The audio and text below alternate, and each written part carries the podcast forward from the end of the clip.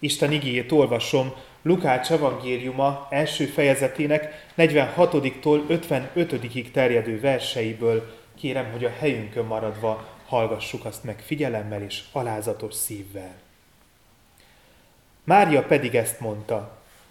Magasztalja az én szívem az Urat, és örvendezik az én lelkem megtartó Istenemben mert rátekintett szolgáló leánya alázatos voltára, mert íme mostantól fogna, boldognak mond engem minden nemzedék. Mert nagy dolgokat tett velem a hatalmas, szent az ő neve. Írkalma nemzedékről nemzedékre megmarad azokon, akik őt félik. Hatalmas dolgot cselekedett karjának ereje által, szétszórta a szívük szándékában felfuvalkodottakat. Hatalmasokat döntött le trónjukról, és megalázottakat emelt fel. Éhezőket töltött be javakkal, és gazdagokat küldött el üresen. Írkalmáról megemlékezve felkarolta szolgáját, Izraelt, ahogy megígérte atyáinknak, Ábrahámnak és utódainak mindörökké. Ábrahámnak és utódainak mindörökké. Mint tudjuk, hogy mennyire mulandó dolog a hatalom és a gazdagság. A legtöbben szemtanúi voltunk legalább egy világi hatalmi rendszer felemelkedésének vagy bukásának, vagy esetleg mind a kettőnek. És mindannyian láttunk, hallottunk már erős vezetőkről, akiknek a hatalma megdönthetetlennek tűnt, a gazdagságuk pedig mérhetetlennek és örökkévalónak. De csak eljött a pillanat, amikor rövid idő alatt összeomlott a legtöbb dolog, amit létrehoztak. Közös vonás a gazdagságban és a hatalomban, hogy nem csak megszerezni nehéz őket, hanem megtartani is művészet mind a kettőt. Különösen akkor, ha megszerzett hatalmat, gazdagságot nem Isten rendelte annak, akinek a kezében összpontosul. Annyira Isten kezében van mind a kettő, hogy ahogy a Mária énekében is olvassuk, ő képes arra, hogy hatalmasokat döntsön le trónjáról, és hogy gazdagokat küldjön el üresen. Különösen nagy vigasztalás volt a választott nép számára mindig, amikor ehhez hasonlók hangzottak el énekekben vagy éppen proféciákban. Az elhangzó gondolatok mindig arra emlékeztették őket, hogy birodalmak jöttek és mentek, de ők mindig Isten választott népe maradtak. Összeomlott az Asszír, a Babilóni, a Perzsa birodalom. Részekre szakadt, majd szép lassan elgyengült Makedón Nagy Sándor öröksége. És azt már Mária nem érhette meg, de a római birodalom története is a végéhez ért. Keresztény népként mi is valami nagyon hasonló tapasztalhattunk az évszázadok során. Birodalmak sokasságas, különféle szellemi irányzatok szaladtak el mellettünk, ahogy a többi nép mellett is, amely kereszténynek vallja magát.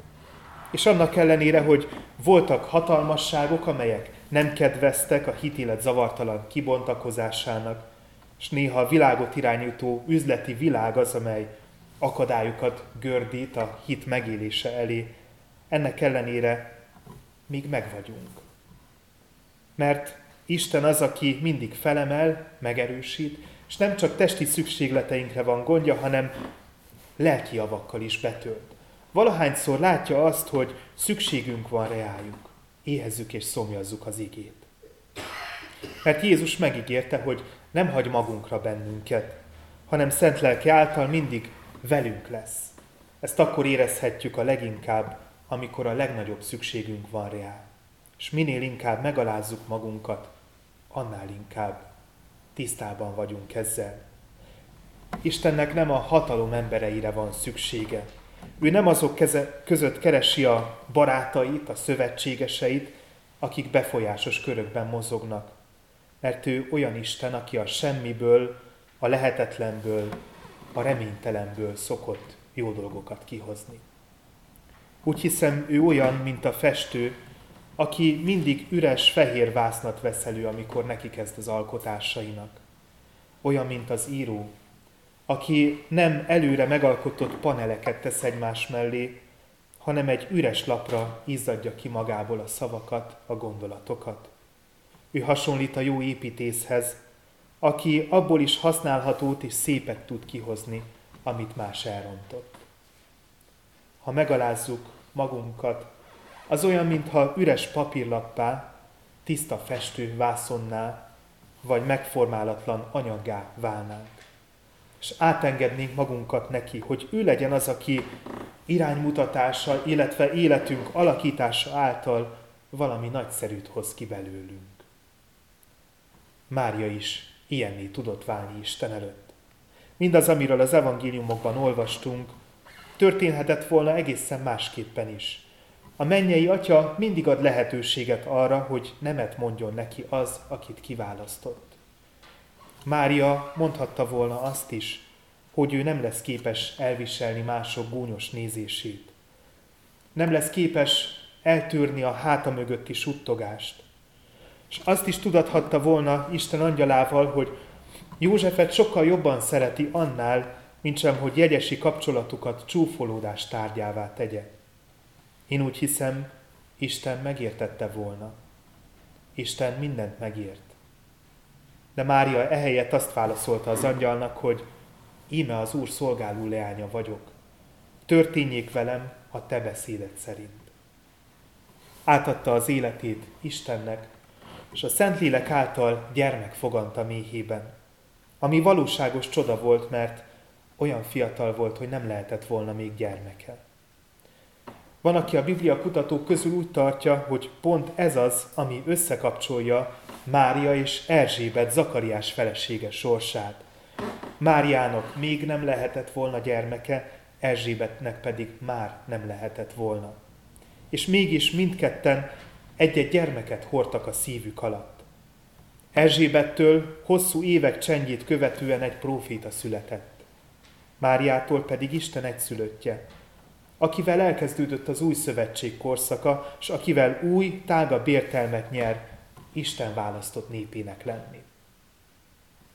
Az a nagy feladat, amit Mária vállalt, az már a múlté. Jézus nem fog másodszor is megszületni. Amit értünk tett, az egyszer mindenkorra rendbe tette azt, ami reménytelenül rosszul alakult a bűnesetkor. A Szentírás arról ír, hogy második adventje, második eljövetele ahhoz fog hasonlítani, ahogyan a tanítványai szeme láttára a mennyekbe emelkedett. Az Isten dicsőségét rejtő felhőből fog megjelenni mindannyiunk szeme láttára. Egyszerre csodálatos és félelmetes lesz az a pillanat, amikor őt újra közöttünk, velünk tudhatjuk majd. Amikor újra értelmet nyel az ő neve, hogy Immanuel velünk az Isten. Nem lesz szükség tehát arra, hogy valaki újra helyet adjon kibontakozó kíséletének az anyamében. Mégis mindannyian tehetünk valami nagyon hasonlót ahhoz, amit Mária tett. Megalázva magunkat, megüresíthetjük a szívünket, és befogadhatjuk őt oda, hogy oda bent neki foghasson Isten ábrázatára formálni bennünket. Ez azonban el kell engednünk mindazt, amit a saját szemszögünkből gondolunk fontosnak. El kell felejtenünk azt a mondatot, hogy én jobban tudom, Uram. A sok beszéd, a hozzászólásaink, a vélemény nyilvánításunk helyett többször kellene reál figyelnünk, és a zaj meg a forgatak helyett inkább a csendet kellene választanunk néha. Biztosan sokszor érezzük úgy, mintha nem szólna hozzánk Isten a mostani időkben. Úgy hiszem azért van ez, mert nagyon sok hatás ér bennünket, nap mint nap. Folyton hallunk valamit, ha más nem, valami háttérzajt. Napi szinten rengeteg különleges dolgot tapasztalunk és élünk át.